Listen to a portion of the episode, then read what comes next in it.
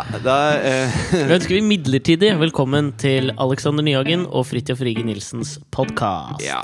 Velkommen til Pappakast. Pappakast! Det er en fuckings jævla businessidé, det, da. Pappakast? Er det ikke det? Tenk- Hvordan tjener vi penger på det, Alex? Nei, men altså, Altså, Sponset av Barnas Hus, Babyshop, Bugaboo. Ja, faen, det er penger å tjene på Det er noe jævlig Trekk det tilbake. Vi kan ikke ha det her, i tilfelle noen stjeler den ideen. Altså, jeg bare tenker sånn pappablogger. hvem andre, hvem andre er det som besitter ordets makt? Hvor bare gullkorn på gullkorn renner ut. Nei, Og samtidig har spedbarn. Og samtidig har liksom den elskelige siden. Og Ikke den samtidig har et enormt behov for å trekke hele det pappaskitet ut av sin vanlige underholdningspodkast. Jo, ja, sånn sett, ja. Å Ja. rendyrke liksom denne Dette er jo- Enormt mange unique selling points Ja, for det. oss, altså. Ja, men jeg tenker jo sånn eh, Pappablogger har jo fått noe jævlig med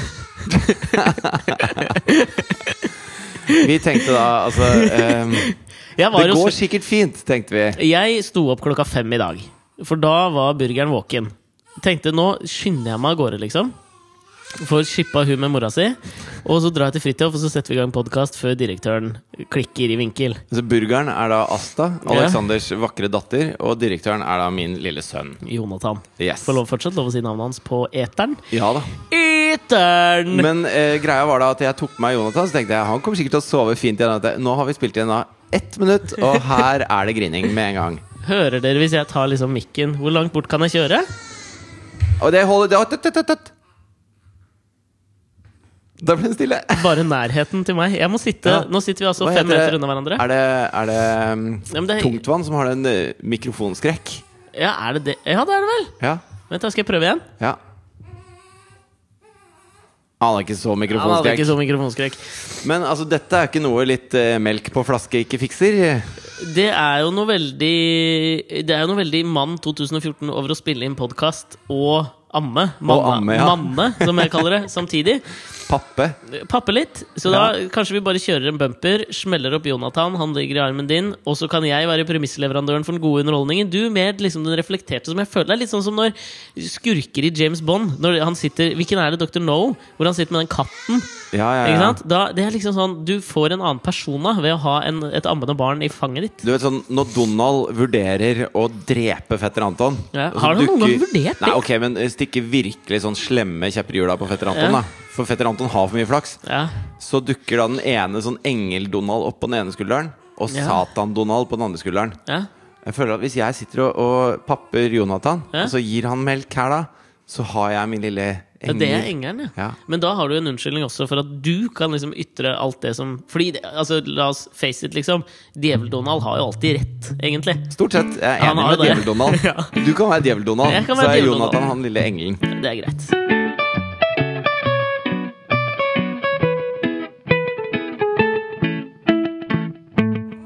Lille mann. Skal du få Men tør du da Altså La meg da male opp dette bildet. Nå ligger eh, direktøren her og suger på en teat. Som da er en flaske. Uh, eh, Dr. Brown. men du får du Fordi man får jo en annen stemme når man prater med et barn. Ja, det Ja. Men jeg er mer sånn derre altså, eh, Mer enn at jeg prater sånn gu-gu-du-du, Ja. så kødder jeg litt med. Jeg merker jeg er også redd for å le for høyt nå, for at han liksom skal skvette til og kanskje Nei, sette men i han, bransjen. han liker lyd, altså. Han gjør det. Så bare Hvordan kødde, Hva mener du kødde køddemenn, liksom? Nei, sånn eh, Jaså, ja? Eh, nei, jeg vet da faen. Alt går så lenge jenta vil og faren ikke kommer, sier Wah! Nei, for jeg er ikke sånn Ikke sånn? Jeg ikke platt. Nei, ok. Men altså, altså poignant eh, god humor.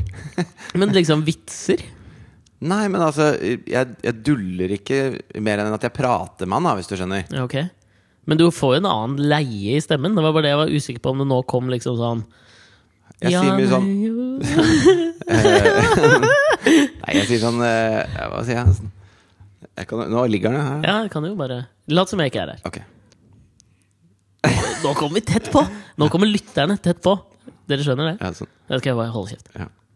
Hei, lille mann. Sånn, ja. Nei, fuck de greiene her. Men man sier Altså, jeg husker eh, for et par uker siden så gikk vi mot, eh, mot eh, kontoret vårt. Og foran oss så gikk det en, en gammel krok av en mann. som Ja. kanskje var et par 80. Ja. Og så gikk det en dame ved siden av oss som kanskje var sånn 45 eller noe sånt. Ja, det Og så det. akkurat når vi går forbi, så sier hun sånn Ja, er det nå du må bæsje? Sier hun til han gamle fyren. ikke sant? Høyt, ass! Høyt, ja. Høyt, ja. Og så var det akkurat når vi passerte, så sa hun til han Er det nå du må bæsje? Mhm. eh, og det, og det altså Det er mange som har sagt dette før meg, dette med at livet går i full sirkel. Ja. Eh, og, og jeg er klar over at når man blir gammel, så blir livet litt sånn igjen. At det dreier seg om mat og drit og Altså det er sånne Sånne type basale behov blir igjen det som står i fokus i hverdagen. Da. Ja. Sånn som det er for Jonathan nå. ja. Men da føler jeg at det, akkurat som jeg ikke skal bli han derre pludrete pludretullingen, ja. så må ikke da eh, på en måte datteren Hvis hun var datteren, da. Si hun var datteren. Ja, hun hadde mer en sånn slags hjelpepleier-aura, hvis du skjønner hva jeg mener? Ja. Jeg skulle bare ta ut en snus. Det er veldig vanskelig mens du papper. Syns du klarte det veldig bra. Ja. Jo, men jeg synes Hun Jo, hadde men- litt mer enn pleier her, for jeg føler at en datter hadde vært litt mer uh, diskré hva gjelder avføringen til far. Men uansett, da, vi som er midt i livets blomst, Ja, vi har et ansvar for ikke å behandle da disse gamle og disse helt splitter nye som eh, idioter, liksom. At når du, når du går midt på eventyrbrua og spør en, en voksen mann Er det nå du må bæsje, Ja. sånn at alle andre rundt hører det, det er faen meg dårlig gjort, da. Ja, Det er skikkelig Uansett om han må bæsje eller ikke. men det hadde vært liksom hakket verre hvis hun lente seg inn og sa Lille mann, Ja. er det nå du må bæsje? Ja, lille mann, skal du bæsje nå? For de blir jo små, vet du. Ja, de gjør det. De krymper jo. Og de får også noe som jeg erfarte Ikke erfarte sjøl, på en måte, men jeg har jo hatt eldre mennesker i min familie også. Ja. Som jeg tenker altså, som er mitt altså, sånn, I rekken av liksom, hva er det verste du kan tenke deg at skjer med deg når du blir gammel. Ja. For jeg ser for meg at jeg er en sånn fyr som kommer til å liksom, ligge på et eller annet uh, eldresenter, aldershjem eller sykehus, og så ha de derre smertefulle dødsskrikene, liksom. Altså, Skjønner du du? er breddfull av angst. Du renner Ja. over av angst. Og jeg tenker at jeg tror ikke jeg Jeg kommer ser til å for meg bli kvitt det. kan, du kan glemme eh, Asta sitt navn, Ja, men dødsangsten din Den kommer du aldri til å glemme. Aldri, liksom. Den kommer til å sitte der. Ja, det er det jeg tenker også, og det er liksom kanskje frykt én. Å ligge aleine, dø aleine, liksom. I skrikene og svetten. Altså, du, du- altså, jeg klarer nesten ikke å prate om det mer, liksom, men det tror jeg det er ganske jævlig. Ja, Da På- trenger man heroin, altså. Et eller annet. Ja. Bare en cocktail, liksom. Men på punkt to av jævelskap må jo være når du blir gammel, at, for dette har jeg da hørt om, at anus vrenger seg, liksom. Hva? Jo, at den detter ut, på en måte. Det skjer med jævlig mye gamle folk. Sånn- Det skjedde med noen i min familie. Rektalprolaps? Yes, er det det er det er det det heter. Jeg syns det bare var så mye finere å si at ræva vrenger seg, for det er jo det som skjer. Ja. Så når du driter, liksom, så er liksom det som er på innsida vanligvis, det er bare på utsida nå. Faen, det er rart, altså. Først, når man blir født, Ja, så funker ikke den rumpa. ikke sant? Midtveis i livet så bleker man ringen, og så, Mm. Så detter den ut. Er faen full. Jeg er ganske jævlig over det, ass. Selv jeg, som er så glad i podkast, hadde ikke hørt på denne. Altså, det vi har tatt for oss så langt, er amming og, og rektalprolaps. Ok, Gi meg en ny sjanse. Vi kjører en bumper, og så kommer det innhold som ikke skal dreie seg i det hele tatt om verken rektalprolaps eller kids. Herlig.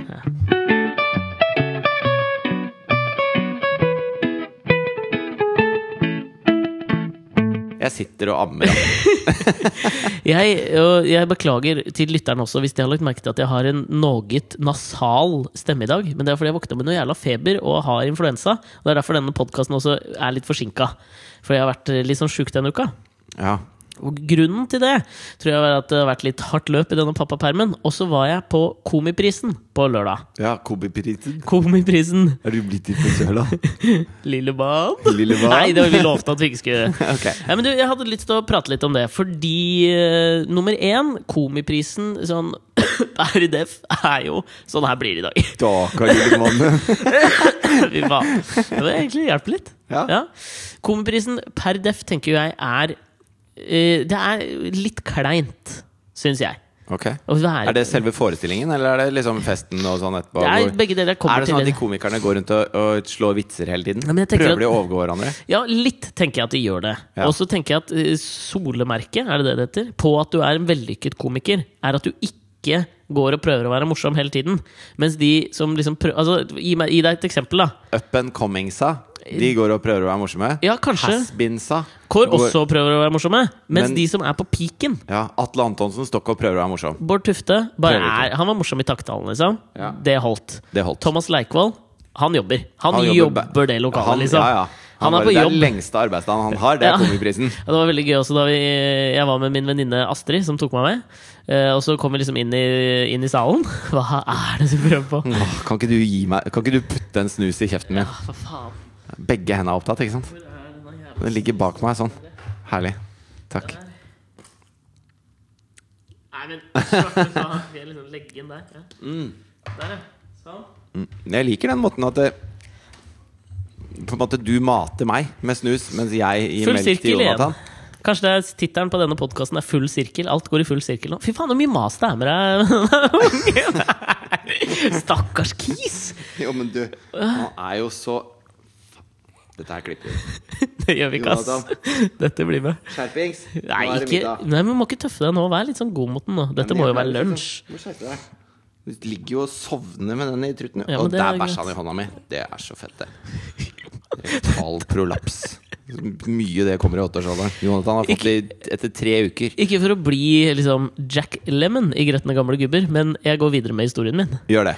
Vi, da vi kom inn i salen på Chart Onøf, Ja. så setter vi oss liksom ned, og så er det litt venting. Eh, og da ser, det, er så, det er så gøy, det er fordi at eh, Se og Hørs og Her og Nås fotografer jobber jo det lokalet for å liksom finne ut hvem det er som har vært å ta bilde av. Who's who innenfor komedie. Tenker jeg Et bra oppslag i Se og Hør er jo liksom sånn å finne nye kjærestepar i komediebransjen. Eller, ikke sant? Ja, ja. De jobber. Ja. Og så er det så gøy å se der hvordan eh, hierarkiet innenfor For jeg, vi er jo ikke komikere, men å liksom få et lite glimt inn i den bransjen er gøy. Ja. Fordi For min del så er på en måte altså standup-komikere komikere i seg sjøl også er en sånn yrkesgruppe som kanskje ikke i Norge, men i utlandet ser jeg litt opp til. Er Jeg tenker kul- at det er noe av det vanskeligste du kan gjøre bra. Altså Hvis, du, hvis du er helt rå på å være standup-komiker, Ja, så er du uh, du, har, du har kun deg selv. Og kun din egen timing og ditt eget innhold å falle tilbake på. Det, det, må være, eh, det må være det vanskeligste du kan gjøre på en scene. Mye vanskeligere enn å være skuespiller. Altså, let's fucking face it, da. Ja, da later du i er hvert fall som de er noen andre. Ja, er mye lettere det. Ja, ja, ja. Altså, Jeg skal komme tilbake til det også, for det var en gang i løpet av uka jeg hadde jævlig lyst til å være noen andre. En liten teaser. Ehm, men når vi da sitter der og ser at salen fylles, og disse fotografene jobber, så er det nummer én Det som er gøy å se, er jo eh, hvem eh, de vil ta bilde av. For det er liksom for min del, som jeg var med da min en venninne som jobber på det nye programmet til Lars Berrum og Martin Beyer-Olsen. Som Ja. i utgangspunktet er sånn, De er jo litt up and coming og anses, tror jeg, liksom som ganske kule i liksom komikerverden. Ja, det er I den crazy-sjangeren. Ja, ja, det Liksom var veldig sånn absurd humor. Ja. Ja. Um, de hadde jo det programmet som gikk på TV som fikk ganske noen slakt. Uh, men nå kommer de med en ny, et nytt program uh, på nyåret. Ja. Og det er jo også veldig sånn Jeg føler uh, Kanskje litt for, forslitt begrep, men sånn komikernes komikere inntil videre. De to. Det var gøy å se når liksom Lars Berrum kommer inn sammen med kjæresten sin. Nydelig dame. Du Altså, vet de sier det er, det er viktigere å være morsom enn å være kul. jo, men for faen, Han hadde faen meg lurt meg. ass Fa- Maken til kjekk og sjarmerende fyr skal du lete lenge etter! ass Ja, Fy faen, jeg elsker han, jeg tror jeg. Ja, ok. Altså, Hvis jeg hadde vært homo, førstevalg. Førstevalg. Ja, faen, og det er noe med Han Det tar jeg som en personlig fornærmelse. jo, men det, det blir for nært. Det blir som å pule broren sin, liksom. Det går ikke. Jo, men det er noe også med en fyr som er så høy, har en så svær kukeaura, liksom, og så gidder han liksom ikke å pynte seg. Han har så vidt på sko. Han har på sandaler, liksom, mens alle går i dress. Det er et fuck you skrevet i panna der som er litt sånn Altså, det er nesten som å bli er radikal-islamist, det liksom. motsatte av Thomas Leikvoll. Han hadde sikkert eh, dress og rosa skjorte på seg. Ja, og det er det som er det gøye. er At liksom, sånn når Lars Berrum og kjæresten kommer inn, ingen tar bilde av dem. De kan bare gå ufortrødent videre og sette seg ned, slappe av, liksom. Eh, mens når Thomas Leikvoll kommer inn med en ny kjæreste, da han stopper å bli tatt bilde av. For han vet de hvem er. Og han er Se og Hør-kompatibel. Og her og, her og nås-kompatibel. Ja, ja definitivt. Det er ikke verken Lars Berrum eller Martin Beyer-Olsen. Men, og, og det er jo egentlig Jeg tenker jo det er Spirit positivt hadde tatt bilde av de. Ja, definitivt. Og Natt og Dag, liksom. Ja. Kanskje VG og Dagbladet. Kanskje. Kanskje. Men det, det her syns jeg er litt gøy i utgangspunktet å se. For det, det viser jo at Se og Hør og Her og Nå, si hva du vil, men de er seg sine lesere bevisste, i hvert fall. For de Ja, veit jo at jo- ingen veit hvem det er. Men de er i hvert fall ærlige. Dette har vi snakka om før. At VG og Dagbladet er jo liksom ulv i fåreklær. Ja. At de er jo Se og Hør og, og Her og Nås. Ja. Jeg likte at du sa Her og Nås i sted. Du høres litt så gammel ut. Det sånn, jeg, jeg meg Henrik Wergeland kjøpte Her og Nås. Han gjorde det! Ja. Har du Se og Hørs, du, Hans Jæger? Nei, men jeg, her, her og Nås ligger ute på venterommet. Ja, ok. Ja, ikke sant? Og det var der han fikk eh, Det er jo Det var var ikke min Tre nøtter til Askepott. Ja, men eh, nei, Christian Krogh, eh, Albertine på legens venterom. Det var jo der det lå her og nås og Se og Hørs. ja, ja. Du, du fikk puppeglipp fra Camilla Collett i Her og Nås.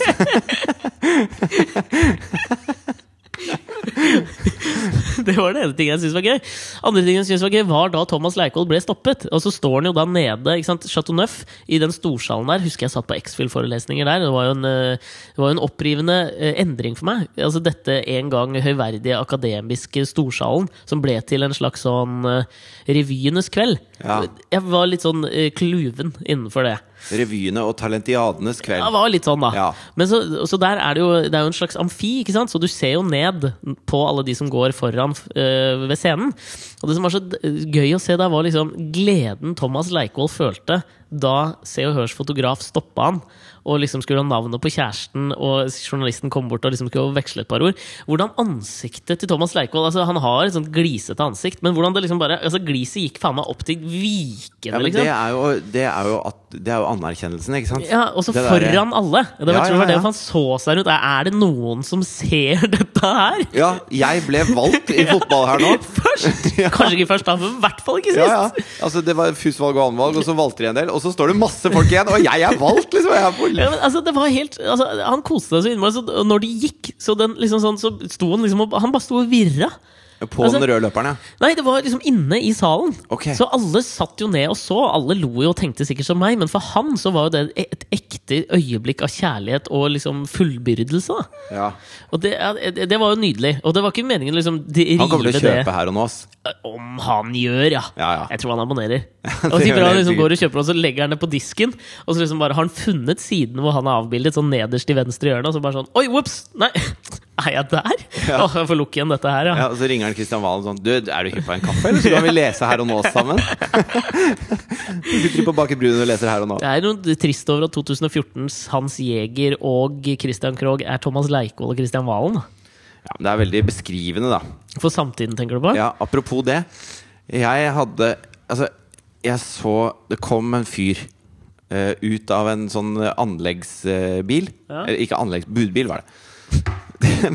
to forskjellige ting, bare. En sånn type high ace hvor det sto sånn uh, Arbeiderklassen, liksom. Altså Ja. potato, I sånn, uh, du vet, sånn, uh, sånn mekkebukse.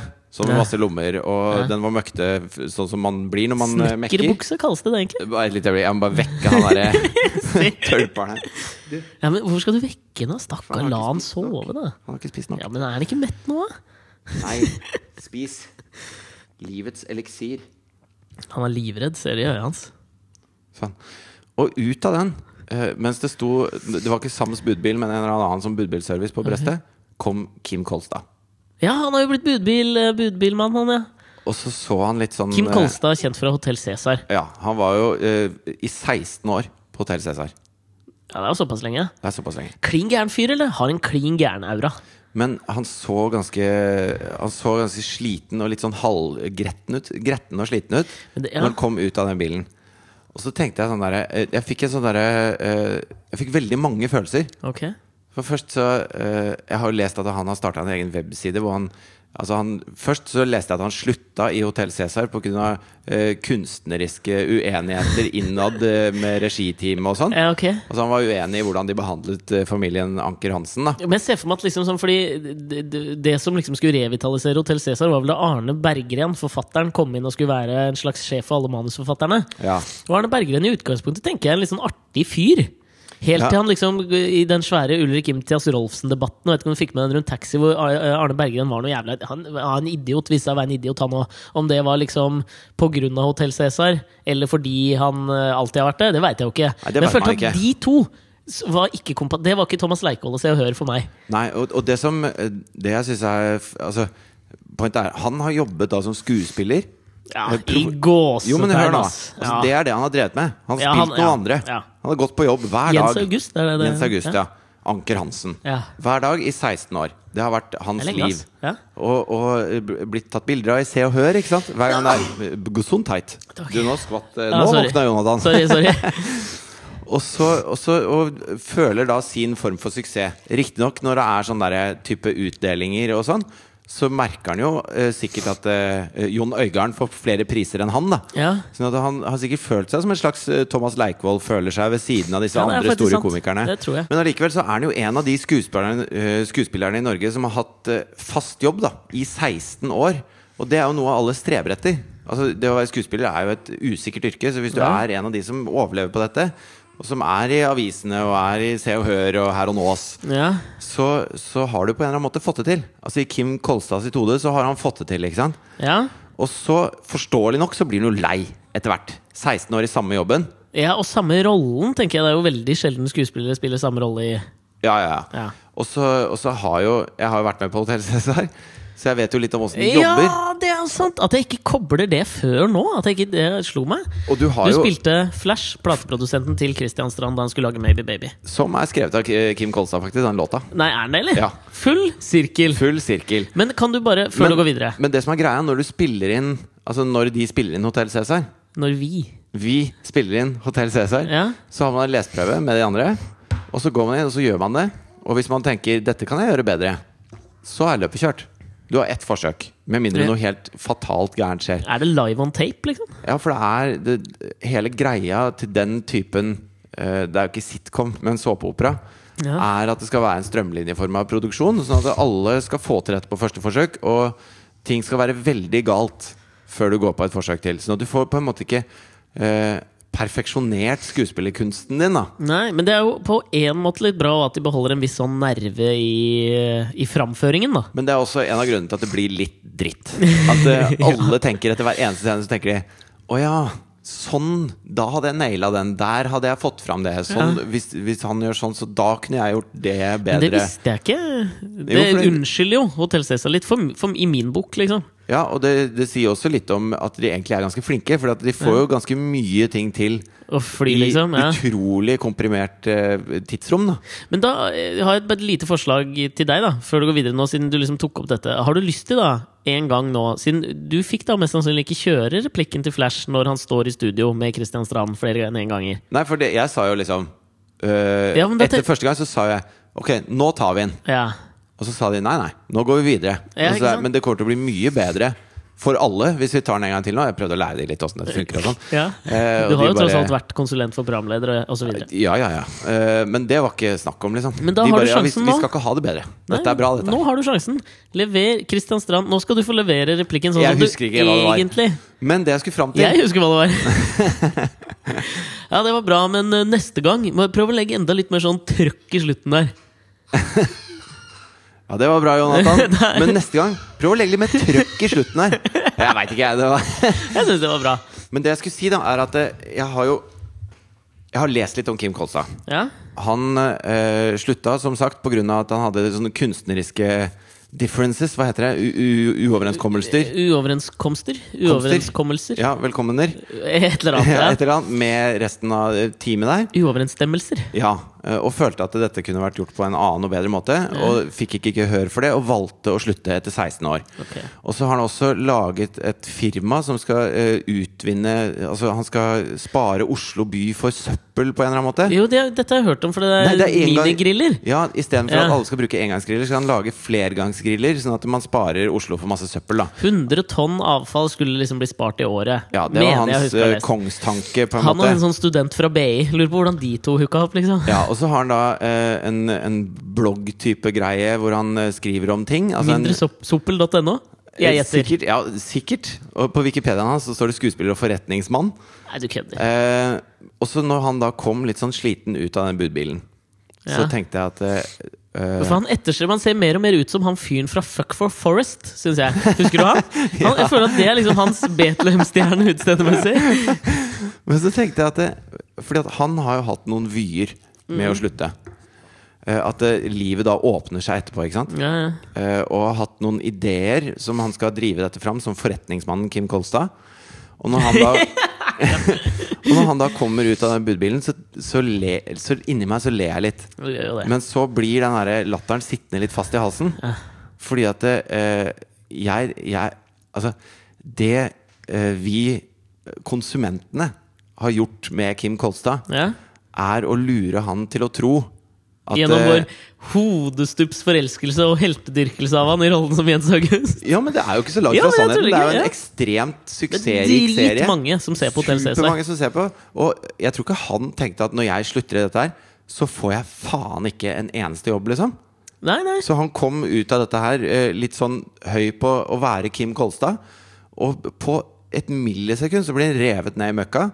Og, og jeg slenger ikke noe dritt om det å være budbilsjåfør. Det kan være en super jobb. Men hvis du er som Kim Kolstad, hvor det er tydelig at du har andre veier du har lyst til å gå, da Ja. og så tar du bare en eller annen jobb uten at det er den jobben du har lyst på, så er det en, en nedtur for han. Og det er en daglig nedtur. Det er mange timer om dagen med kontinuerlig nedtur. Og du ser det står skrevet i ansiktet hans. Ja. Og, og jeg tenker da Jeg får sånn derre Sånn når jeg ser de som var med på første runde av Idol, som plutselig altså Når Gaute Ormåsen slipper ja, Eller til og med eh, Gaute har kanskje fått det til på en eller annen måte. Han, er en, en, han er under Thomas Leikvoll. Han ja, er en, Han fikk det til i starten, men nå har vel den karrieren blitt omtrent like kald som Mjøsa. Men Kjartan Salvesen, da. Kjartan Kim Salvesen. Kolstad og Kjartan Salvesen er for musikk og skuespillerkunst på en måte samme ulla. Ja. Og gjennom det derre eh, alle disse programmene og alle disse seriene og alt mulig sånn, så tygger vi opp noen mennesker som vi spytter ut i andre enden. Hvor eh, Altså når de er eh, La oss si de er 25, da. Eller nå er jo Kim Kosta sikkert eh, 35. ja, Nei, han er mer enn det. Eller nesten 40, 40. 45, kanskje. Tenk deg å komme ut av et uh, yrkesliv som du føler har vært suksessrikt. Og så Ja, og som du ut jo har det, da. Altså, vi skal det. gi inn det. Ja, ja. Hvor du har tjent godt med penger, og du har liksom eh, Det har vært en attraktiv jobb du har hatt. Du har, følt, ja. du har følt at du har blitt respektert, da. Så lenge du Ja, går i de og de kretsene. ja. Kanskje ikke liksom hvis du sitter Ikke på det norske teatret. Nei, ikke sammen med Jo- Jon Øigarden, for eksempel. Nei, ikke kanskje sånn ikke. Ja, med oss i dag så har vi Kim Kolstad og Jon Øigarden for å snakke om method acting. Nei, ikke sant, det skjer ikke. Men, men allikevel så kommer du ut uten Altså du er som en, en uskolert eh, person, da. Ja. Du kommer ut uten framtidsutsikter på en måte i andre enden, og den ser du ikke komme. Og det, og det er noe så nitrist over det der. Ja, men det, det, Og jeg altså, føler så jævlig med Kim Kolstad. jeg føler litt med han. Det er litt sånn at jeg ser for meg at han, eh, den neste jobbsøknaden blir liksom på et hotell, og så skriver han opp Hotell Cæsar på CV-en. ikke sant? At jeg føler at det går dit. ikke At han blir portier på Grand Hotel, det hadde vært står Kim Kolstad faen, det er full circle! Det er så full circle.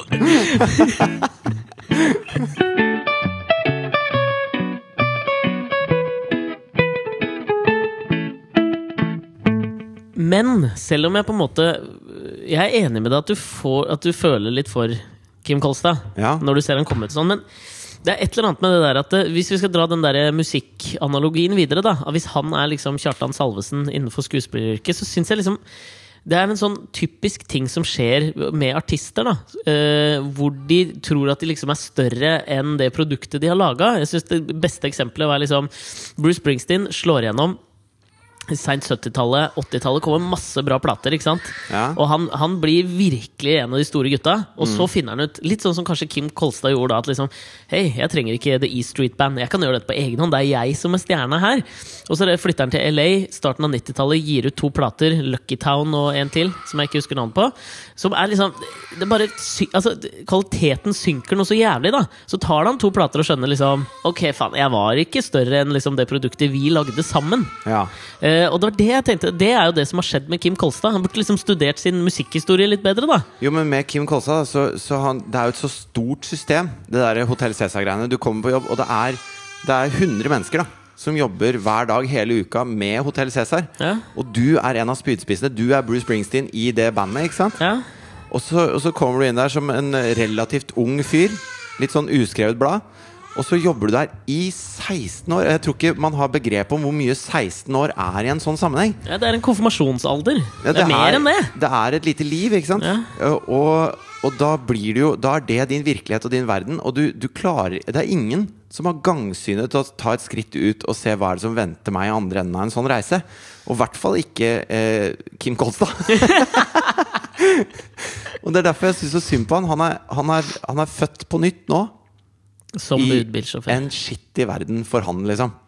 Men hvis han hadde vært 16 år, og, eller 18 år, da, akkurat fått lappen, og det han hadde lyst til, var å høre på fet musikk og tjene seg litt penger og kose seg med kompiser og alt mulig sånn, og fikk jobb som budbilsjåfør, det hadde vært helt konge. Ja, og da kunne kunne ja, han fint det- ha jobba som det i La oss si at hobbyen hans er å hoppe i fallskjerm, da. Så ja, men Da jobber jeg som budbilsjåfør som et svin jeg har løpt av hele vinteren. Og så har jeg tid til å bare bo i Voss i tre år. Og da er budbilsjåfør er et kongeyrke. Ja, fordi Det er viktig å si at det er ikke budbilsjåføryrket det er noe gærent med. Det er helt fint, men det er jo fallet, og det er jo det som er interessant der. At liksom fra Hotell Cæsar til budbilsjåfør, så er det, det er et nytt kapittel. På en måte som ja, du og ikke det, alltid det er har ikke et fall heller, men for Kim Kolstad som, som Ja, men det, Jeg tror det er et fall for Kim Kolstad. Ja, for han er det det. Og, og han gjør det så vokalt også, for han går ut i her og nås og Ja. sier at eh, jeg er uenig med deres kunstneriske visjon, og nå skal jeg gå ut og lage noe som er mye bedre og mye flottere. Og jeg skal redde liksom verden. Det, glem klimakvotene. liksom Trenger ikke å kjøpe det. Trenger bare kjøpe denne grillen. Ikke sant? Og så er det han som ringer på når du har bestilt pizza fra Dolly Dimples. Det er klart at det er ikke det han gikk for. Og det er, og det er trist, da. Og jeg føler med han. Og jeg, jeg tror det er mange, mange mennesker, og i hvert fall nå som vi skal begynne med Idol junior. Ja. Hva, hva, hva gjør vi med de, da? Altså, la oss si at de har en kjempekarriere, da. Til de er 20. ja, men da har du holdt på lenge, tenker jeg. Da har du holdt på griselenge. ja, men Du piker Så- vel i en alder av 16, da, tenker jeg. Fra du er 12, 10-12 til du er 20. Mm. Da har alle dine formative år bestått i at du er uh, the shiznit. Ikke lov å si. Nei, du kan ikke si det. Og så kommer du til andre enden og bare Hva skjedde nå, liksom? Alle andre jeg kjenner, har liksom mål og mening, og her står jeg med med de tre gitarakkordene jeg kan, og noe, noe ræva låter om uh, matpakka var tørr på skolen i dag, liksom. Altså, det, Ja, men vi skal, vi skal passe på å liksom ikke bli sånne moralister som, som eh, på en måte sitter og fordømmer liksom tidlig suksess. Men det må da for faen meg være lov, for jeg synes ikke det, det fins jævlig få eksempler på at det der funker noe sånn særlig bra. da Når liksom Macaulay Culkins claim to fame nå er at han gikk med en T-skjorte med bilde av Ryan Gosling som går med en T-skjorte av Macaulay Culkin. Ja. Da, da var liksom Nå er Macaulay Culkin på spor igjen. han er tilbake. Han er tilbake, folkens! Han går med? T-skjorte. det, det holder ikke, ikke sant? Nei, og så er det noe sånn Altså hvis du La oss si du er tolv år og du elsker å eh, Ja, et, hva som helst. Du elsker å stå på skateboard, da. Eller så elsker du å se i Ellos-katalogen mens du sklir ned tauet i gymmen fordi det gir deg en pirrende følelse inni deg. Kanskje det. Ja. Og så gjør du det mye, da. Du sklir ned tauet mye. og Du oppgraderer kanskje fra Ellos til Victoria's Secret etter noen år. Oppgraderer tauet etter hvert, kanskje også. Til slutt så trenger du ikke å holde i tauet lenger. Du, du kan bla med begge hendene mens du bare Knip. kniper lysken noe- rundt det der Men plutselig så får du noe jævlig brannsår. Ja, men da herder huden seg, for du fortsetter, og du blir jævlig god på dette her. Ja. Og det er noe som du har lyst til, og du uh, dyrker, og er din greie, liksom. Ja. Uh, det ser jeg ikke noe galt med.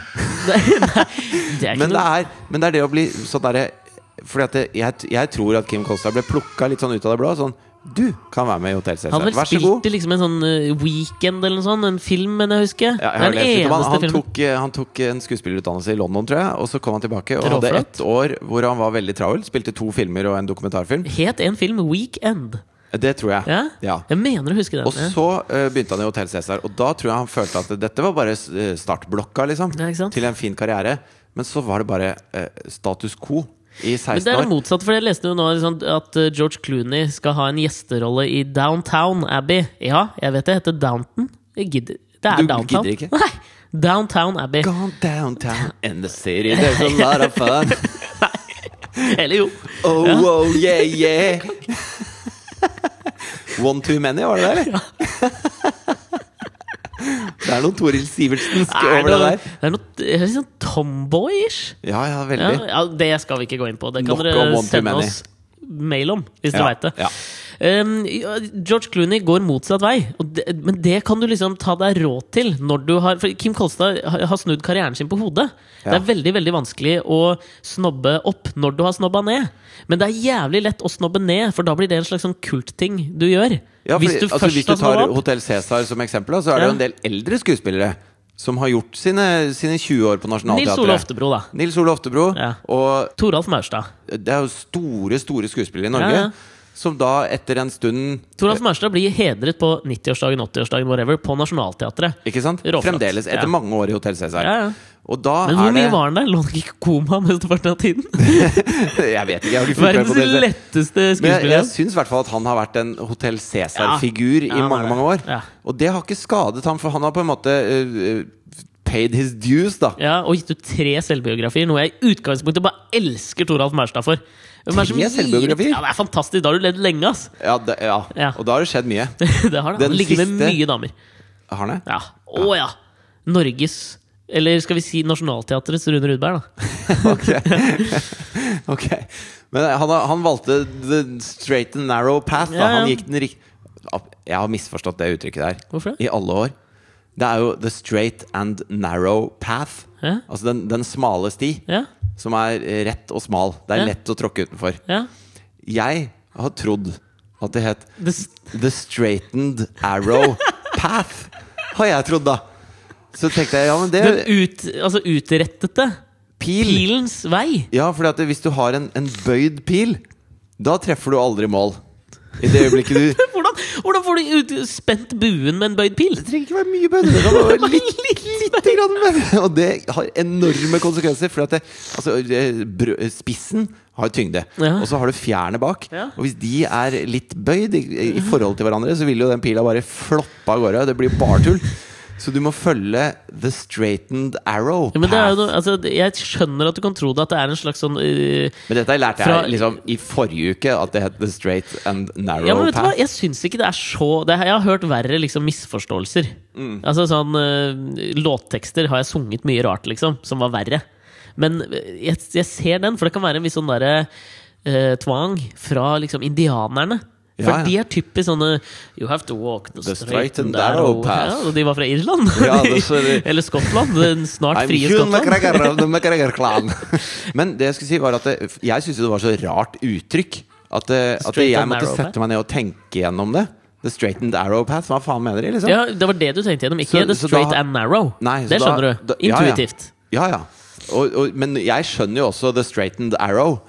Ja, Fordi at jeg, òg. jeg, jeg fikk til å henge på greip. Det er mer de du ikke får til å henge på greip, og allikevel går og sier. Ja. Altså Det er sånn som eh, Jeg hørte om en dame som eh, Som hadde Som satt i et middagsselskap. La meg bare, Jeg må føle behov for å skyte inn. Når dere hører grininga, vi overser han ikke, liksom. Nei, nei. Direktøren. Altså, har kontroll på han. Vi er ikke de der, eh, Vi legger ikke unga i mørke rom og lar dem gråte i fire The timer. dingo show, baby! det er ikke sånn. Ja, For det var nemlig en hund som spiste barn. Det er noe helt annet. Ja, det er det. Jo, men jeg hørte om en dame som, uh, som satt Hun var liksom voksen, da. Var type 30 år. Jeg var voksen, da. Da var voksen. Og så satt hun i middagsselskap, og så, og så begynte de å snakke om uh, fabeldyr og sånn. Og så nevnte de Jeg har aldri helt skjønt hva fabeldyr er. Bare er kentaur, liksom. kentaur og griff. Griff, ja. Ja, og enhjørning er også et fabeldyr. Ja. Hvor uh, de begynte å snakke om enhjørninger, og hvor hun bare Fins det ikke enhjørninger? Ja, Og så begynte jo alle å le av henne. ikke sant? ja, ja. Fordi at hun Hun har bare ikke fått med seg at det ikke finnes enhjørninger. Og så, og så når hun forklarte det, jeg hørte henne forklare det, så sa hun at det er jo ikke så Altså det er jo bare en hest med horn i panna, liksom. Og det, Jeg kjøper det, liksom. Jeg, jeg har sett mye, mye rarere dyr enn en enhjørning. Hvorfor er jeg helt dust bare fordi jeg tror enhjørninger fins? Ja, altså, det, er, det- det er hennes straightened arrow path, da. Den er jo på mange måter ganske mye flauere, da. Ja, ja. Enn å bare ha misforstått hvordan du uttaler noen ord. Ja. Eller at du har mishørt hvordan du uttaler noen ord. Hadde vært, og det, jeg føler at den er liksom ekvivalenten der hvis, var hvis hun hadde trodd at en kentaur var ekte. Hva er det du sier? Fins det ikke menn med hestekropper? Men enhjørninger er et mye mer logisk dyr. Altså, Jeg har mer problemer med en, en type maursluker. Ja, fordi du ser ikke behov for en eller annen, et dyr som skal sluke maur. Nei, et stort, hårete dyr med en lang, lang, tynn nese med en lang, lang, lang, lang, lang tynn tunge som kan stikke seg ned i maurturet og fiske de opp. Men sånn som for hun dama da som sitter i middagsselskap og uh, på en måte avslører sin uvitenhet om enhjørninger, det er på mange måter liksom flauere enn når du finner ut kanskje for deg sjøl hjemme når du sitter og leser Sin City i tegneserieform, og, liksom, det var the straight and narrow path. Ja, ja. Det er ikke så flaut. Men det, Eh, nei, det er jo så litt flaut at jeg tar det jo opp her i podkasten. Altså- det hadde vært verre hvis jeg satt der og sier eh, Ja, jeg har hørt at enhjørningen er utrydda. Kim Kolstad Jeg har hørt at Kim Kolstad har slutta å Hotell seg for å vie resterende av livet sitt til å redde den utrydningstrua enhjørningen. Ja, og det som faktisk tar livet av flest enhjørninger, det er sånne engangsgriller som blir liggende igjen på huk. De Ja, spiser spiser dem. Men de stanger, så fester de seg i, eh, I hornene, hornene, ja. og så brenner de opp. Ja, og så er det mange som har pissa på grillen, så det renner sånn der sot og pissevann. Det er jævlig ubehagelig, og det, dør, det kveles det av. Det er det samme som når hvaler får eh, olje i den snabelen. Hva faen er det heter? Pustehullet! Ja. Men jeg, for jeg leste om eh, jeg, Det er jo noe eh, altså, I podkasten vår også så har vi jo på en måte dyrka de der eh, flaue, pinlige øyeblikkene. Ja. Jeg har vært delt villig vekk av de. ja. Eh, og jeg hadde en, et flaut, pinlig øyeblikk her, i forbindelse med Komiprisen. Men så, så leste jeg om Jeg leste et, et essay om, som het 'Awkwardness'. En essay. Av en sånn kritiker som het Adam Kotsko.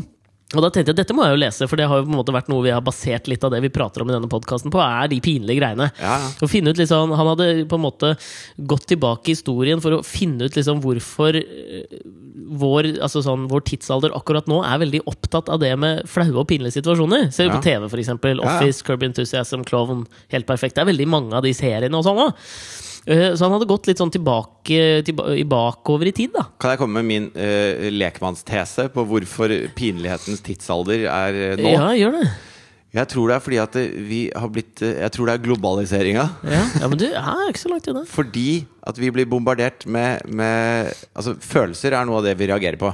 Ja. Og vi blir bombardert med helt sånne sjuke scenarioer fra alle deler av verden. Når det gjelder sult eller krig eller forferdelighet, som vi får et visuelt bilde av inn på netthinnen. Så vi sløves ned eh, i henhold til de.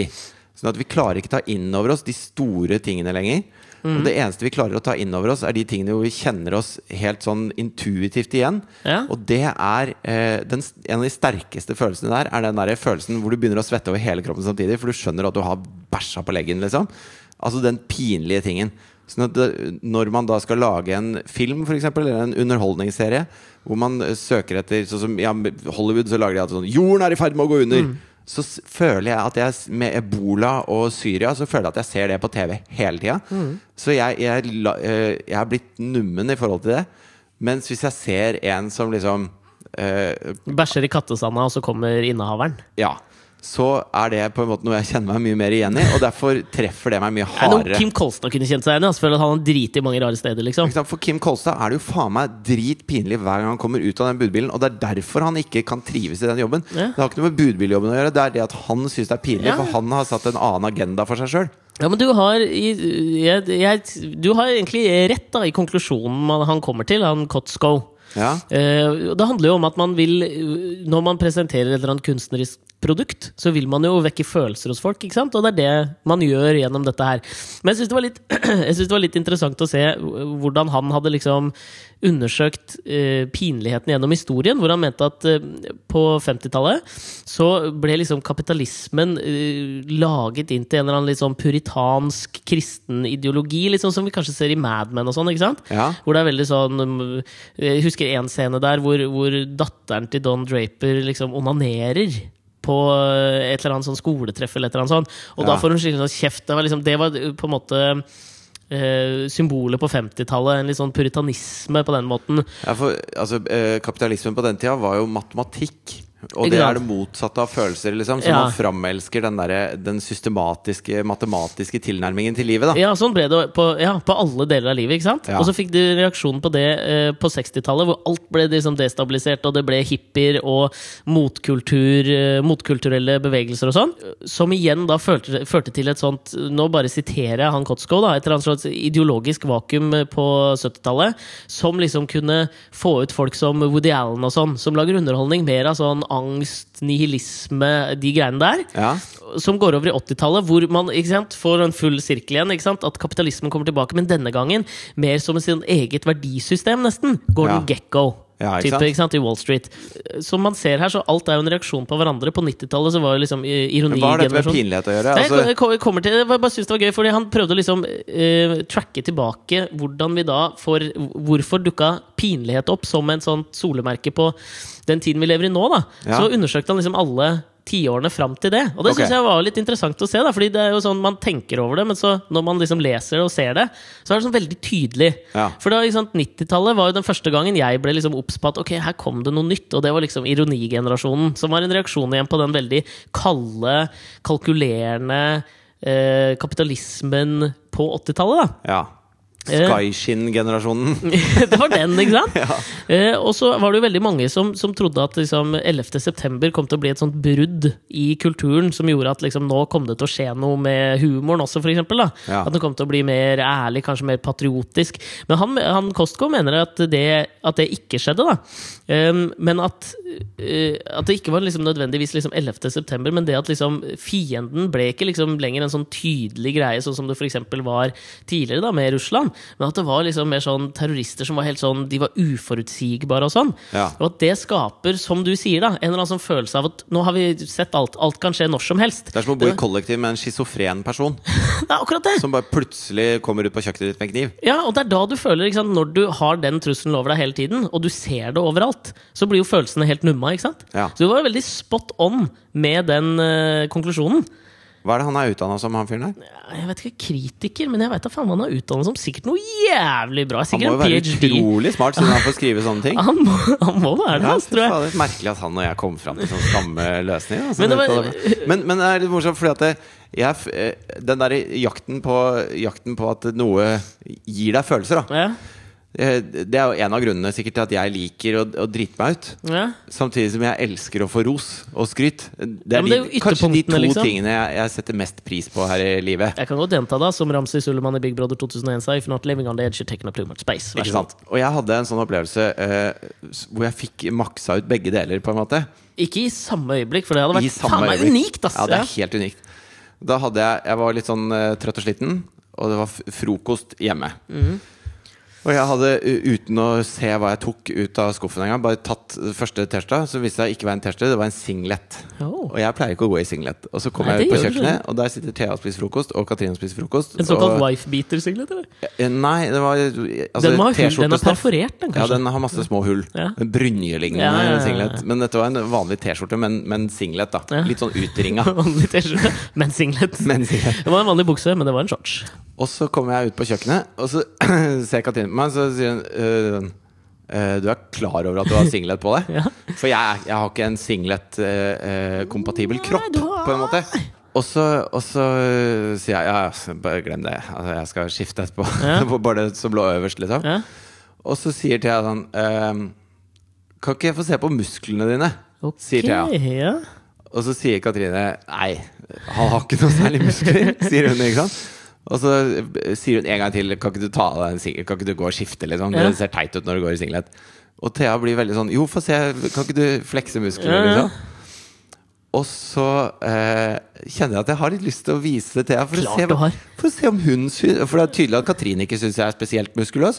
Men kanskje Thea, da. Så får jeg liksom det lille ja, men vi hungrer da deg etter anerkjennelse både på kropp og sinn. Så jeg går rundt kjøkkenøya, sånn at jeg står bak Katrine. da Okay. Og så i, i singleten min så flekser jeg det jeg har. Opp, på en måte sånn. Opp, opp ja. sånn, bøye og peke liksom. sånn ørt Ja. Til Thea. Eh, hvor jeg tenkte det Katrine ser jo ikke det nå. Nei. Og Thea reagerer altså som om du heller eh, glovarmt vann over henne. Hun skriker opp. Ice Bucket Challenge. Den nye Ice Bucket Challenge. Ice Bucket Challenge. Og sier at jeg har jo kjempemuskler. Jeg er, de er jo enorme, de musklene mine. Og Katrine blir sånn Nei, det er de vel ikke? Hvor jeg bare jeg- dårlig gjort! Ja. Hvor jeg melder meg ikke inn i den diskusjonen. For, Du lar altså, musklene stå for snakkinga, for å ja, si det ja. sånn. Fordi altså, Katrine har jo sett folk som har kjempemuskler. Det Ja. har tydeligvis ikke Thea. Så hun okay. syns jo at jeg har kjempemuskler. Og så kjenner jeg at uh, inni meg så har jeg litt lyst til å være enig med Thea, samtidig som jeg syns det er veldig pinlig overfor Katrine. Jo, men ja. Så, så jeg får på en måte både den der pinligheten og den derre eh, enorme aksepten for at jeg er en sånn, ado, en sånn muskuløs Adonis, da. Samtidig, der jeg står i singleten på kjøkkenet. Og eh, ja, det, jeg, var, jeg var liksom flau og stolt samtidig. Og det er jo helt forbanna patetisk Nei, å bli stolt hva, av at en sjuåring syns du har store Nei, muskler. jeg syns det er så jævlig innafor, ass. Det. Ja, det syns jeg er helt det, altså jeg hadde, jeg hadde skreket ja, Det hadde vært min ice bucket svar Det er som en utfordring fra Thea til meg. Kan, det som er synd med det, at nå vet jeg på en måte jeg kan aldri flekse for Thea, for nå har hun sett Adonis. Liksom. Det blir som å se en jævla tjukk enhjørning etterpå.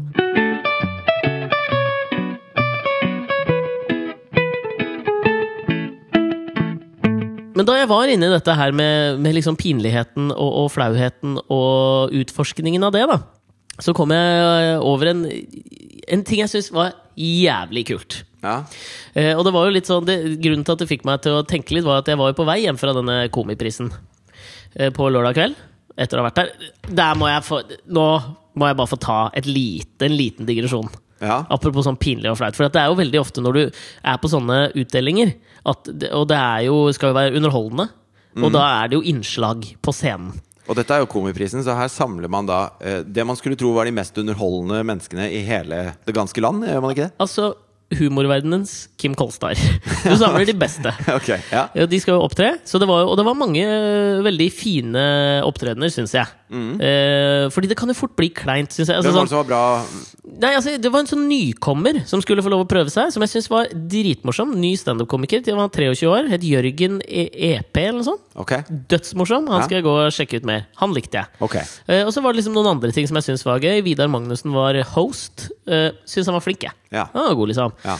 Um, men det som alltid skremmer meg, er når du tar løsrevne nummer fra et stort show. Altså det er liksom, det, jeg syns liksom Symbolet på det er liksom Og ikke et vondt ord om Bjarte Hjelmeland, han liker jeg kjempegodt. Men når Bjarte Hjelmeland på Komiprisen tar ut én sang fra Lacage og Fold og går kledd som en dame, og det skal være et innslag på Komiprisen, det kjøper ikke jeg. Jo, men jeg mener jo at komikk trenger kontekst. At Hvis du har et standupshow, så trenger du hele standupshowet. Mm. Ja, Du for kan at ikke det skal hoppe inn i midten. Og det er akkurat som jeg syns det, det er helt meningsløst med forfattere som leser utdrag av bøkene sine på radio, f.eks. Ja, Altså, hva faen er vitsen, da? Jeg har en kompis som ga ut en bok for et par år siden, og det syns han gjorde helt riktig på lanseringsfesten. Hvor han sa sånn Det der å gi ut bok, og så skal jeg stå og lese opp noe for dere, noe forbanna bullshit, så nå skal dere få bare lov å rekke opp hånda, si en random side og en, en random linje, og så leser jeg det, og det er det dere får. Og det var jo dritinteressant, ikke sant? Altså, for da får du et helt løsrevet sitat, og du blir nysgjerrig på boka. Hvis jeg uh, gir ut en bok noen gang, Ja. og står uh, på Cappelen med Forfatter-Norge står du ikke liksom i Aschehoug, liksom? Jo. Syns jeg. Aschehoug.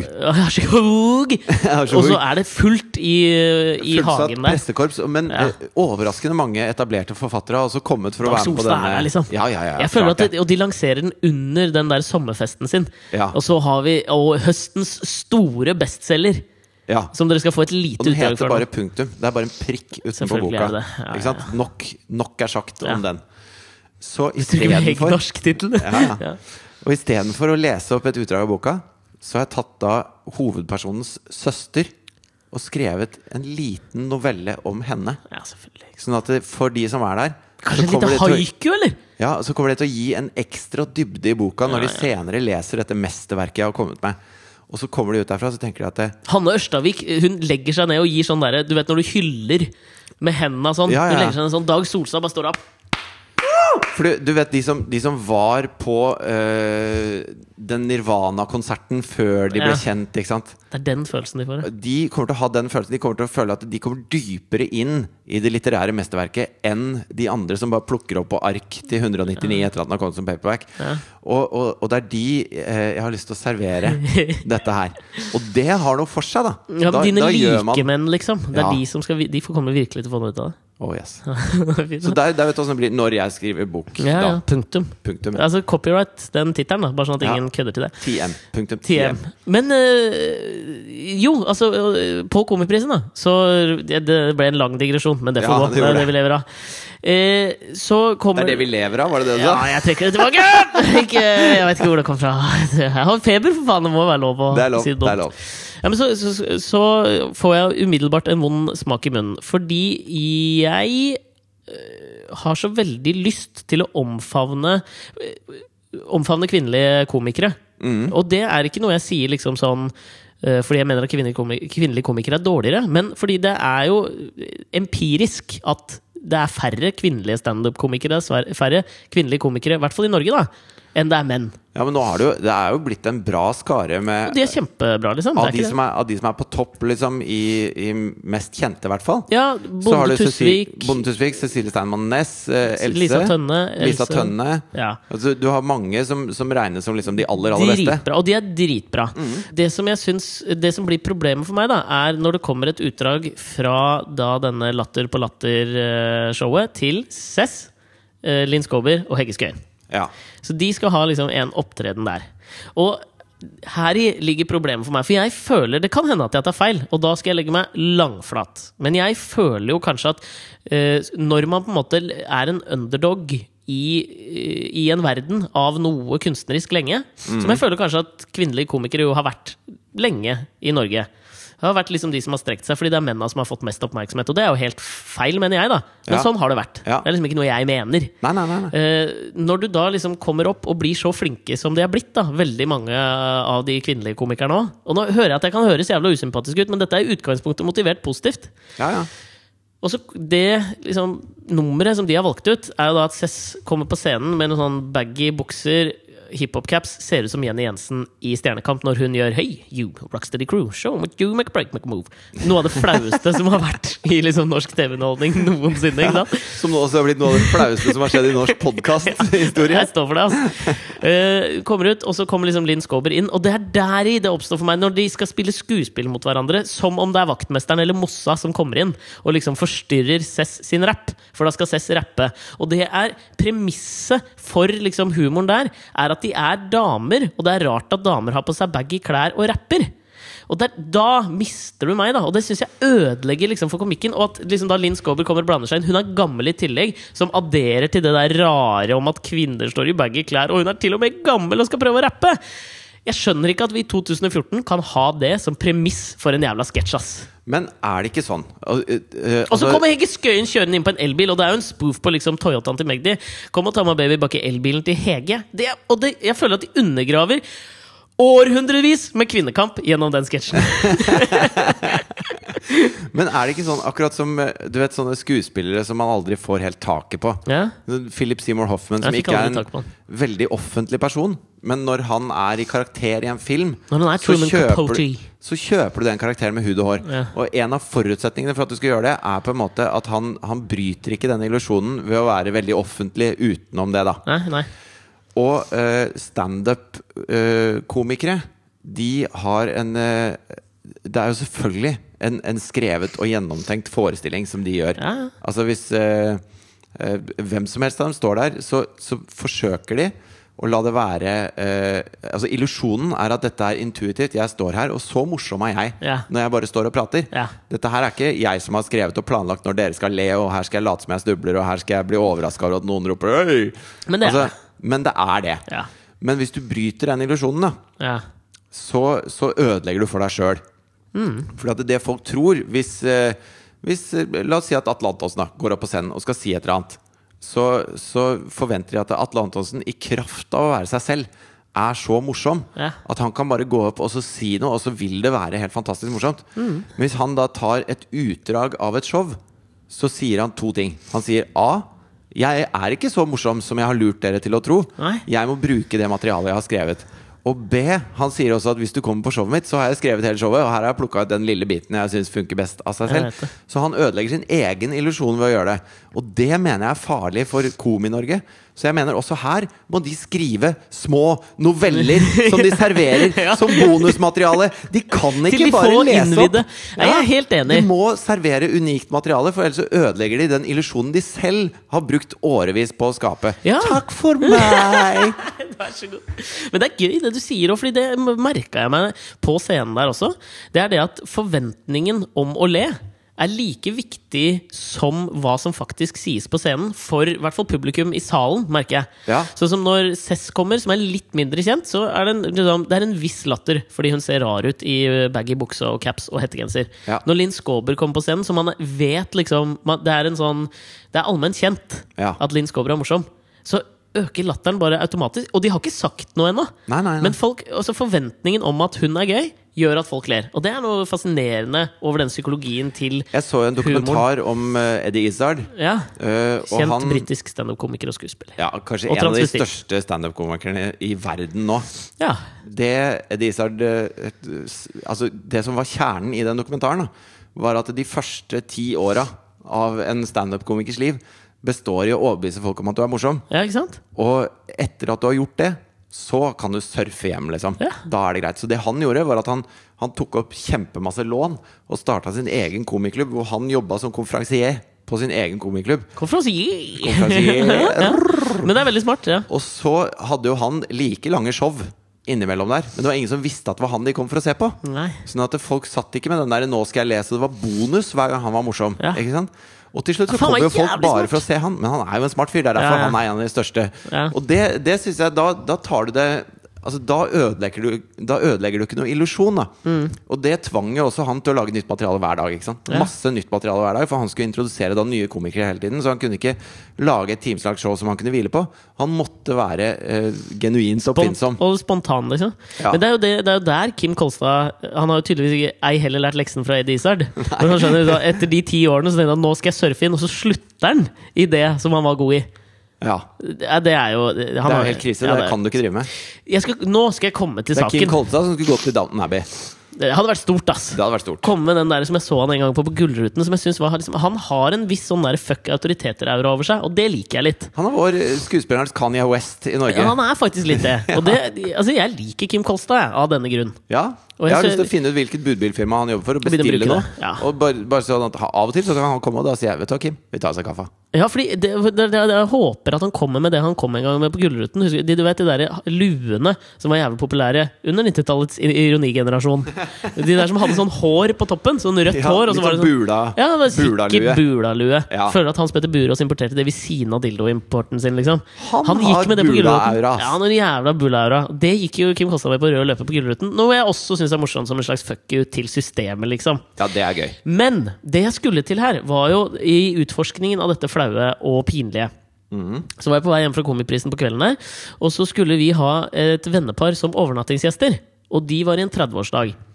Eh, Så vi var på hvert vårt sted, de hadde fått sin egen nøkkel. eh, De skulle bare komme hjem, sove i stua. Og når jeg kommer inn i bakgården, så er jeg liksom sånn Jeg hadde tatt det litt ut denne kvelden, jeg var litt full. Oi, Tenkte jeg skulle kose meg litt. oi. Oi, oi, oi. Jeg følte jeg hadde fortjent det. oi, Jeg hadde tatt meg en del øl. Ja, så deilig. Ja. Og øh, ikke bare det. Jeg hadde faen meg gjort enda en flau ting. For jeg har ei venninne som er så jævla forelska i en annen kjent kvinnelig person. Nå skal jeg være jævla forsiktig med hva jeg sier. Ja, Og så så jeg denne kjente kvinnelige personen, som jeg også vet at øh, liker kvinner, da, ja. på Komiprisen. Tok jeg mot til meg, samme hvor flaut det var, og så gikk jeg bort, viste bilder og sa 'Hun her er interessert i deg. Er du keen på en date?' liksom. Oi, oi, Og jeg tror jeg har starta en liten flamme der. Yes. Så det begynte å tekste fram og tilbake litt, og sånn men jeg veit ikke hvordan det går. Jeg skal holde dere oppdatert. Det var flaut. Ja, men, Men det var ganske Det var selvoppofrende gjort, var det ikke det? Ofre mitt gode navn og rykte, liksom. På det er ikke alle som liksom starter sin egen eh, lille teppebankerbedrift. eh. Nei, men jeg tenkte Eddie Izzard starta sin egen klubb. Hvorfor kan ikke jeg bli hallik? Liksom? Hvorfor kan ikke jeg pimpe noen kjente lesber? Men jeg kommer hjem, da, eh, den kvelden, og så må jeg så noe så jævlig pisse. Ja. Og så tenker jeg liksom, For da har jeg litt den der Kim Kolstad inni meg. føler jeg At jeg var liksom sånn fuck autoriteten og jeg var litt sånn øh, Ikke sant? ja, det var som å gå med pannebånd. Ja, jeg gikk med den der. Og så når du kommer inn i bakgården hos meg, så vet du at med en gang du kommer inn, så er det en eh, litt sånn, nesten litt sånn skuraktig, hvor det står alle de eh, søppelkassene. Ja. Og så tenkte jeg ja, jeg skal pisse på søppelkassa. Sånn, du får noen sånne ideer når du drikker, at du skal være ja, du er en rebell. og jeg er litt rebell, da. Og jeg tenkte jeg hadde vært så mye hjemme med kid, og sånn, men jeg vil være litt tøff, liksom. Ja. Så jeg liksom går bort dit, og så knepper opp buksa og liksom skal starte. Og så liksom hører jeg noen som snakker bak meg. Og da står jo det venneparet av oss ved døra. ja. Og liksom Hei! Og så blir jeg så jævlig flau, for det er 30 sekunder å gå opp, liksom. Ja. Og så skal jeg stå der og pisse. Og så finner jeg ut at liksom sånn, ok, jeg kan ikke si at jeg gjorde dette her. Så jeg liksom bare begynner å dutte, dytte på søppelkassa. Det er en rotte her! Nei. Sånn, Kom, hjelp meg, det er var et dyr her! Det drev og bråka bråkende jævlig her. Det var derfor jeg gikk bort Så kom de løpende inn. Plass, plass, det er vått her Ja, også! men jeg hadde ikke begynt å pisse, da. Oh. Så jeg klarte liksom å liksom redde inn den. Ja. Og det var da jeg liksom Hører de på podkasten, forresten, eller? Ja, det kan godt være. Da veit de i hvert fall det nå, da. At Ja. det var ikke noe rotte der. Det var, det var at jeg skulle pisse. Ja. Men eh, det var da jeg fant ut dagen etterpå. Så fant jeg da noe som selvfølgelig er dritbra i denne liksom flauheten og pinlighetens tidsalder. Mm. Som er en ny app som jeg har funnet på Ja. nettet. På AppStore. Og du har funnet den der, ja? Ja. Den heter Selger de apper der, altså? Gjør det. Det er Ja. det de selger. Okay. Den heter Somebody. Og det, den som står bak den eh, appen her, det er hun Miranda Julie. Hun skuespilleren, forfatteren, eh, kunstneren, Veldig sånn Budbilsjåføren. Budbilsjåføren. ja. Miljøforkjemperen. Engangsgrill Nei, flergangsgrillinnovatør og gründer. Ja. Uh, hun er jo litt sånn Jeg føler at hun er på en måte litt sånn den unge kvinnelige versjonen av Bill Murray. Veldig sånn kred-skuespiller. Skriver skjønner. artige artsy bøker. Ja. Og jeg mener at den appen hun har funnet på, er den faen meg den mest geniale appen jeg har sett på jævla lang tid. Skal jeg forklare deg liksom eh, tanken bak appen, da. Den heter Somebody, og det er jo da en sånn, eh, et alternativ til å sende e-post, melding eller å snakke med folk. Ja. Så det du kan gjøre da, er at du lager en konto på Somebody, og det er det mange andre som gjør også. Og hvis du da skal I hvert fall nå som det er reklamert for så ettertrykkelig i Alex og Fritjofs den. Somebody. Du finner den i AppStore. Hva koster den? Skal vi se hva den koster her, da? Det er gratis! Det er gratis! Min favorittpris! Det er Kim Kolstads favorittpris òg. Ja, det er det. Det greia er jo da at du, kan, du skriver en, en melding til eksempel, Si at jeg skulle sendt deg en melding. Da Mm. Da skriver jeg liksom inn uh, den første setningen, som er da mottakerens navn, som er da deg. Og så skriver du hvem du er. Hei, Fridtjof, det er meg, Alex. Og så er greia at du Litt kan som en tekstmelding, altså. Litt som en tekstmelding. Men hele greia her er at den bruker en sånn GPS-sak, sånn at du sender meldingen ut i eteren, og så får den personen som er nærmest den som du skal sende til, får denne meldingen inn, og må gå og levere den personlig til deg. Som meg! Er det ikke utrolig fantastisk? Ja, altså, jeg må ha Du står på Komprisen. Og så skriver jeg til Fridtjof Fy faen, Fridtjof, hei Fridtjof, det er meg, Alex her. Nå skal du se den kleine Thomas Leikvoll, bla, bla, bla, bla, bla, bla, bla. Og så sender jeg den ut. Og så får Gerda Hun er nede i Markveien, og den tikker inn hos Gerda på hennes GPS. Ser at oi, hun er rett ved Fridtjof. Går hun bort til deg, Og så hun kommer og gir meg hun beskjed. leser den opp for deg! Og det som er så jævlig kult med dette, er at du kan legge inn ønsker på hvordan meldingen skal framføres. da Så det er masse valg her. Du kan liksom velge sånn uh, hug, som du sikkert hadde tatt på alle meldinger. i en klem, liksom Og så kan du liksom De skal hviske, eller de skal fortelle det liksom hemmelig. eh, du kan gjøre air quotes. Og så du kan, altså, du kan legge inn alt, da. Fist bumps. Du kan skreddersy hvordan denne personen må levere meldingen til deg. Nummer én så gjør det det jævlig mye lettere å slippe unna de der eh, pinlige situasjonene. Hvis jeg hadde vært kjapp nok, og det hadde vært noen i nærheten på Somebody-appen, når Ja. jeg sto der og pissa, så hadde jeg bare sendt kjapp melding til Anders og Hilde, som det heter. Og var sånn eh, Sorry, jeg står og pisser her, jeg gidder dere bare gå inn. Og så hadde det kommet en eller annen fyr løpende inn, da. Og bare løpt bort til dem og sagt sånn uh, Air quotes, Alex leter etter dyr. Men du vet, jo, du vet jo hvor denne meldingen kommer til å bli brukt mest. Nei. Det er sånn når du, når du har krangla med kjæresten din, og så går du vekk, og så kommer du på alt det du skulle sagt. Så kommer det en jævla fremmed og gnir det inn da til kjæresten din. Så- Mens han gjør sånn aircoats. Alexander er veldig glad i deg, men han er nødt til å si Du, du hadde rett air quotes. Og så må du avslutte med en fistbump. Det, jeg tenker, det beste må jo være, som jeg tenker at denne kan misbrukes til, det er jo hvis du ikke er tøff nok til å slå opp med dama di, liksom. Ja, Så får du en fyr til å komme inn. Liksom. Ja, fantastisk! Skriv en lang avhandling, avslutt med fistbump. Kommer Kim Kolstad. Beste leverandøren på Zombody-appen! Åh, Kim Kolstad, hvis du hører på dette her, vær så snill å laste ned Zombody-appen. Du skal få levere alle mine beskjeder.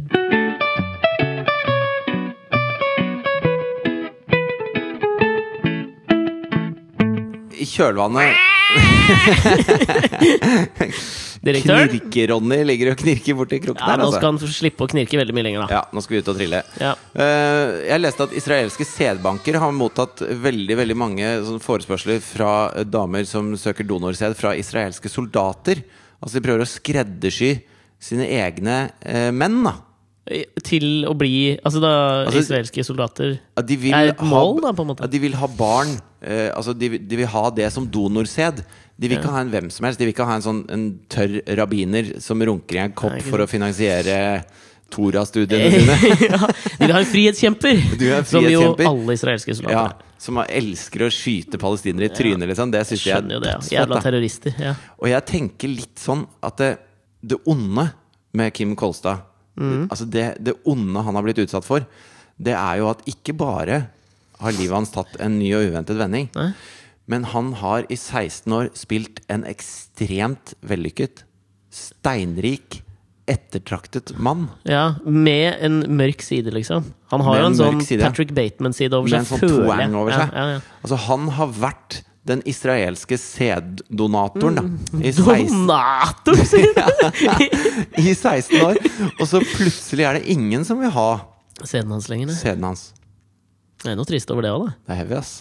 Det- Ja, det er faen meg heavy. Altså. Jeg, Ja. jeg ømmer så jævlig for Kim Kolstad akkurat nå. Kim Ja. Kolstad? Ja, det er det han heter, da. Ja, nå fikk jeg plutselig en sånn følelse av at det var hun der Kim Hva heter hun? da? Kim Friele, homoforkjemperen? Det hele podkasten prata om Kim Friele. Eh, nok om Det. I, I forlengelsen av de der altså, har jeg lyst til å, å komme med en oppfordring helt på slutten. For noe som ikke er så jævla langt unna israelske soldater, syns jeg Norwegian Defence League. Kjenner Ja. til de, ikke sant? Som er en eh, avgreining av Skal du ta det greia på Twitter? Ja, eh, Så du den tweeten de ga ut? Ja, den ut. helt Den syns jeg er fantastisk. fantastisk. Og den, nå skal vi avslutte den med å da oppfordre, for det syns jeg på en måte er en viss sånn full sirkel-greie òg. For Norwegian Defence League la ut følgende tweet, da. Hvis noen har en selvopplevd historie og deler fra det multikulturelle Norge, ta kontakt, så vil en av våre kompetente admins besvare deg. Ja. Det er jo åpenbart hva som ligger under her, at de har lyst på, uh, de har lyst på kjipe, dystopiske henvendelser om alt som multikult i Norge. bygger opp under at det multikulturelle ødelegger og besudler vår edle nasjon. Ja, så Da syns jeg at hvis nå alle skal ta på oss og sende inn fantastiske, rosenrøde, deilige historier om det multikulturelle Norge, og se om vi kan klare å få den der serveren til admins på Norwegian Defence League til å bare knekke sammen. Og eh, altså, Hvis vi er over på dette her, skal Ja. jeg fortelle deg toppen av multikulturell Multikulørt.